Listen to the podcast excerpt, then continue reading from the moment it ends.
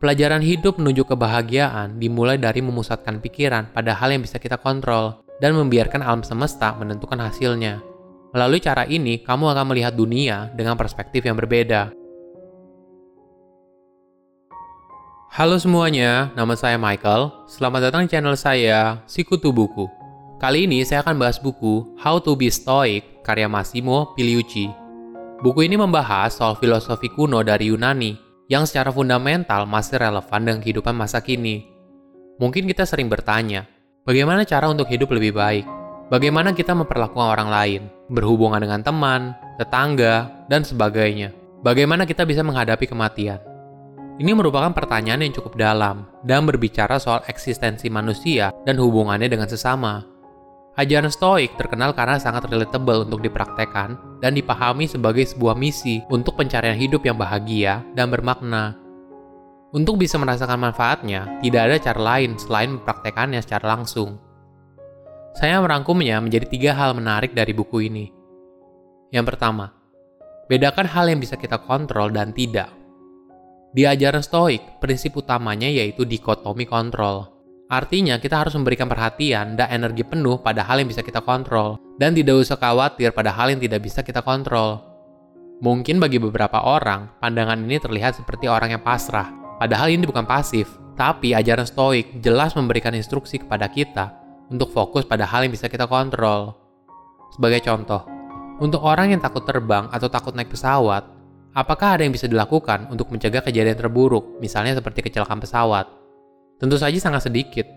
Kita pasti sangat bergantung sekali dengan pilot dan awak kapal untuk mencegah hal buruk itu terjadi.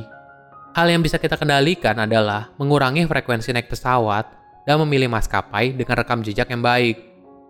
Jika kita dalam kondisi takut terbang dan takut naik pesawat, kita harus menerima keadaan bahwa ada hal yang tidak bisa kita kontrol. Massimo mengibaratkan latihan ini seperti seorang pemanah. Bayangkan kamu sedang memanah target saat itu, kau pasti akan fokus saat mengambil anak panah, menarik busur, fokus pada target, dan kemudian melepaskan anak panah tersebut. Selanjutnya, yang terjadi adalah anak panah itu akan bergerak kencang menuju targetmu, di luar kendali. Kamu hanya bisa menunggu apakah tepat sasaran atau tidak. Mungkin saja tiba-tiba ada angin kencang, sehingga panahan kamu meleset. Mungkin kamu tiba-tiba kehilangan fokus di sepersekian detik terakhir atau panah kamu meleset karena kamu kurang cukup pengalaman. Ajaran Stoik menggunakan metafora ini untuk menunjukkan walaupun semua usaha kamu berada dalam kendali, tapi kamu tidak bisa mengatur hasilnya seperti apa. Seperti yang dikatakan oleh filsuf Epictetus, manfaatkan sebaik-baiknya apa yang ada dalam kekuatanmu. Beberapa hal bisa kamu tentukan, dan yang lainnya tidak. Kedua, jenis pertemanan dalam hidup.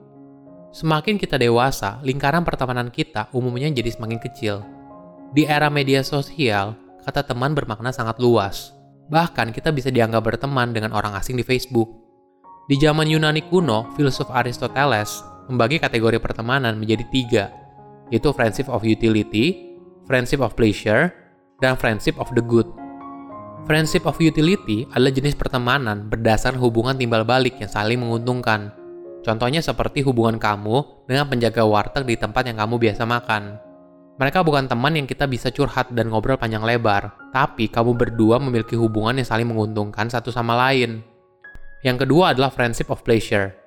Mungkin bahasa sederhananya seperti teman senang-senang. Contohnya kayak teman nongkrong, teman main futsal, teman main bulu tangkis, dan sebagainya.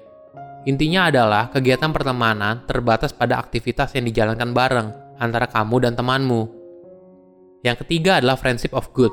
Ini mungkin yang disebut sebagai teman sejati atau sahabat. Pertemanan di sini bukan karena hobi atau senang-senang saja, tapi memang karena kita suka dengan kepribadiannya. Tentu saja tiga tipe teman ini memiliki perannya masing-masing. Bukan berarti kita hanya butuh friendship of good saja, tapi kita juga butuh dua tipe teman yang lain. Filosof Epictetus mengatakan kalau kita berbicara dengan teman, sebaiknya tidak bicara soal hal yang ringan saja, seperti olahraga atau makanan, tapi lebih ke hal yang fundamental soal hidup. Ini poin yang menarik, dan saya rasa sangat bagus untuk mempererat persahabatan ketika kita bicara dengan topik yang lebih dalam, jadi hubungan antar manusianya semakin erat. Ketiga, kematian dalam kacamata stoik.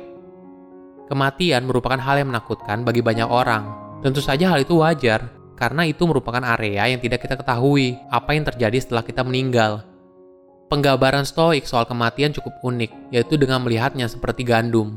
Kenapa gandum tumbuh? Apakah gandum tumbuh supaya bisa matang dan kemudian dipanen? Seperti halnya gandum dan semua makhluk hidup, manusia akan tumbuh, dewasa, dan pada saatnya akan meninggal. Mendoakan seseorang untuk tidak meninggal seperti mendoakan gandum untuk tidak matang. Ini adalah cara stoik untuk merefleksikan siklus kehidupan. Cara ini membuat kamu menyadari bahwa semua hal di dunia ini tidak kekal dan akan meninggal pada saatnya. Dengan begitu, kamu akan lebih mudah menerima kematian dan menghargai kehidupan yang kamu punya saat ini.